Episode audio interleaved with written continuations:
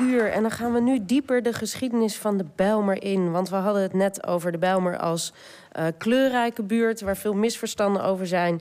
Uh, maar ook als een vergeten buurt met een imagoprobleem. Um, maar hoe begon het allemaal? Bijlmermeer. Eens onderwerp van felle discussies tussen regering en Amsterdamse stadsbestuurders. Nu een woonoord waarvan de bouw snel vordert. Het uit acht personen bestaande gezin Copré betrekt een zeskamerwoning in het flatgebouw Hoogoord. De belangstelling voor het wonen in de Bijlmer is bijzonder groot. Over enkele jaren zal hier woon- en leefruimte gecreëerd zijn voor 100.000 mensen. Ja, ons vrolijke Polygoonjournaal. Uh, directeur van het Bijlmer Museum en Bijlmer Believer Henno Eggekamp is nu aangeschoven om over die eerste periode te komen vertellen. Welkom. Um, ja, we hoorden net... Oh ja, welkom. Ja, ja, ja. Goedemorgen. Um, we hoorden net, uh, de belangstelling is zeer groot in het Polygoonjournaal van uh, 1969. Um, u, u, wordt gezien als een Belmer believer. Dus iemand die hier al heel lang, vanaf het begin af aan uh, is en hier terecht is gekomen. Wat is een Belmer believer?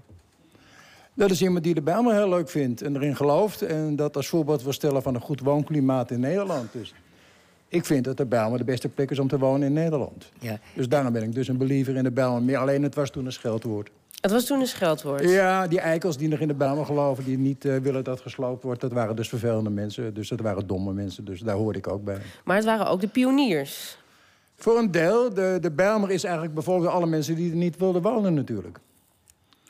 Want de, de Bijlmer was bedoeld voor de mensen die geloofden in een soort religie... in een soort communisme waarin men allemaal beter zou worden. Het was een geloof van 1930. Het werd een geloof van na de oorlog. De Bijlmer is bedacht in de jaren 60. Toen we allemaal geloofden dat de technocratie, het geld, de nieuwe economie... het land beter zouden maken. Dus we hebben toen de meest moderne stad die we toen kenden... hebben gebouwd in de Bijlmermeer. Want hoe is dat Alleen bedacht? het was al tien jaar te laat bij wijze van spreken. Maar hij is pas in uh, 65, 69 gebouwd. En hoe, hoe was, wat was precies het ideaal? Hoe was het bedacht, ook architectonisch? Ja, het zaten dus allerlei idealen in. Uh, een van de belangrijkste idealen was zoveel mogelijk groen voor de mensen. Waardoor de wegen werden omhoog getrokken onder andere. Waardoor de garages werden gebouwd voor de auto's.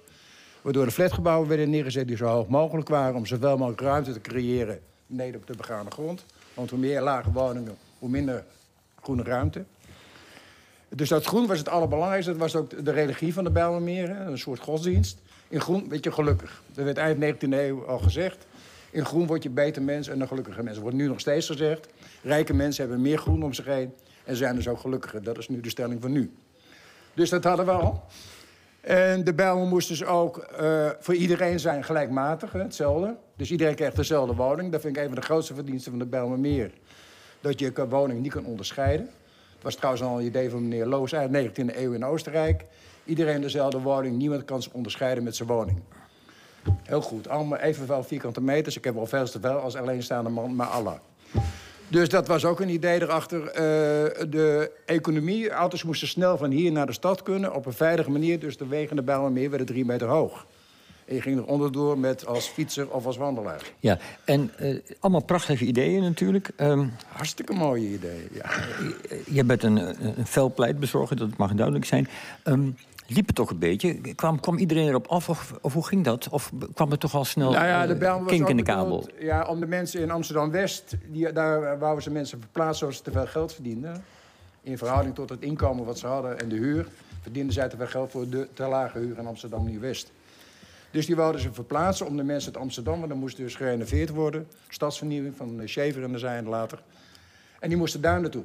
En die hadden dus minder geld. Dus dat was een soort uh, economisch plaatje. Alleen die mensen in Nieuw-West... die wouden eventueel wel naar de Bijlmer toe... Maar droomden toch, wat toen de, toch de gewoonte werd... van een, een laagbouwwoning met tuin voor, een tuin achter en een schuurtje. En toen ze eenmaal door hadden dat die huizen gebouwd zouden worden... in Lelystad, Almere en later ook in Purmerend... steden in Noord-Holland, waar je vroeger als Amsterdammer niet mocht wonen... en toen op een gegeven moment wel. Want waarom mocht je daar niet wonen? En er was vroeger een uh, ja, economische wet die zei van als je in Amsterdam een baan had, moest je in Amsterdam wonen. En als je in Purmerend gewonnen, moest je een baan hebben in Purmerend. En er werd toen voor een deel werd het afgeschaft. Dus mensen konden op een gegeven moment overal naartoe. En dat hebben ze, daar hebben ze ook gewacht. En de Bijlmerhuren waren in verhouding heel erg hoog. Drie, viermaal zo hoog als in Nieuw-West. Dus je betaalde hier in begin jaren 70 iets van 350 euro all-in. Maar in Nieuw-West betaalde je 100 uh, uh, gulden, bij wijze van spreken. Maar, dus, het kwam heel snel. Groot, uh, men was heel afwachtend om naar de is, Bijlmer te Is het dan eigenlijk gewoon zo dat uh, de Surinamers die kwamen de Bijlmer hebben gered? Nee, de eerste mensen die de Bijlmer hebben gered waren uh, ook Surinamers. Dat was al gauw 30% van de Bijlmer. Meer mocht het ook niet zijn van de Bijlmer, was Surinaams. Maar nog een groter percentage waren gewoon net gestudeerde, afgestudeerden. Ik moet, we moeten heel even zeggen trouwens... in Amsterdam die daar geen plek konden vinden... behalve ook een lekker in de kelder, ook een uh, kamertje van 1 bij 2 of wat dan ook... die gingen allemaal naar de Bijlmer toe... omdat er bijna geen eisen meer worden gesteld... omdat die woningen vol moesten. Ja.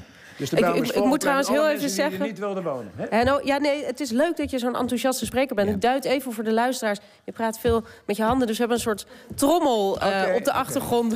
het is leuk hoor, maar, maar, ik moet het even duiden. Maar het beeld wat je schetst, dat lijkt heel lang geleden.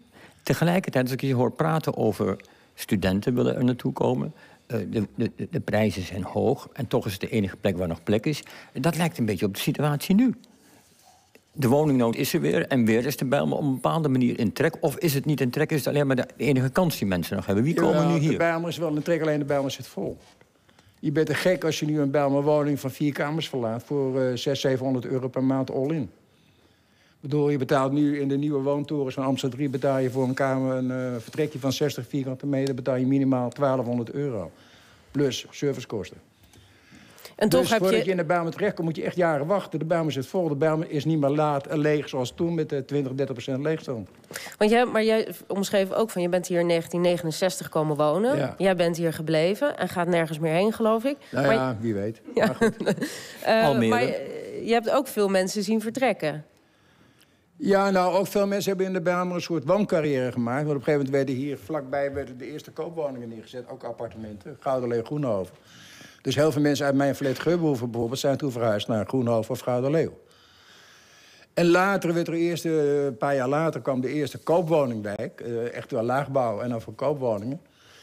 En daar zijn ze vervolgens ook naartoe vertrokken. Dus mensen hebben vaak van uh, gewone flat, koopflat, 80.000 gulden in de tijd, helemaal niks. Naar een mooie woning in uh, Gierdinghof.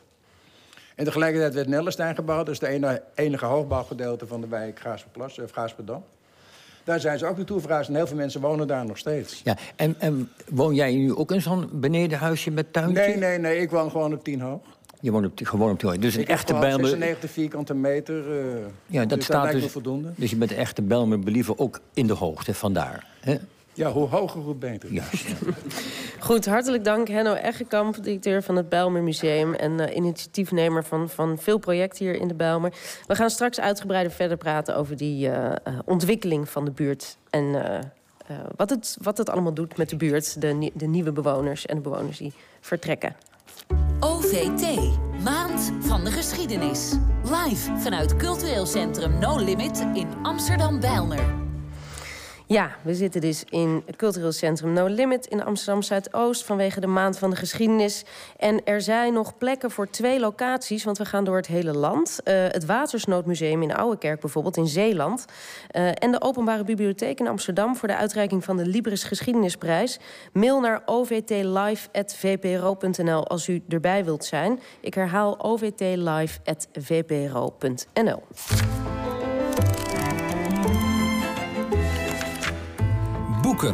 Met Nadia Boeras. Ja,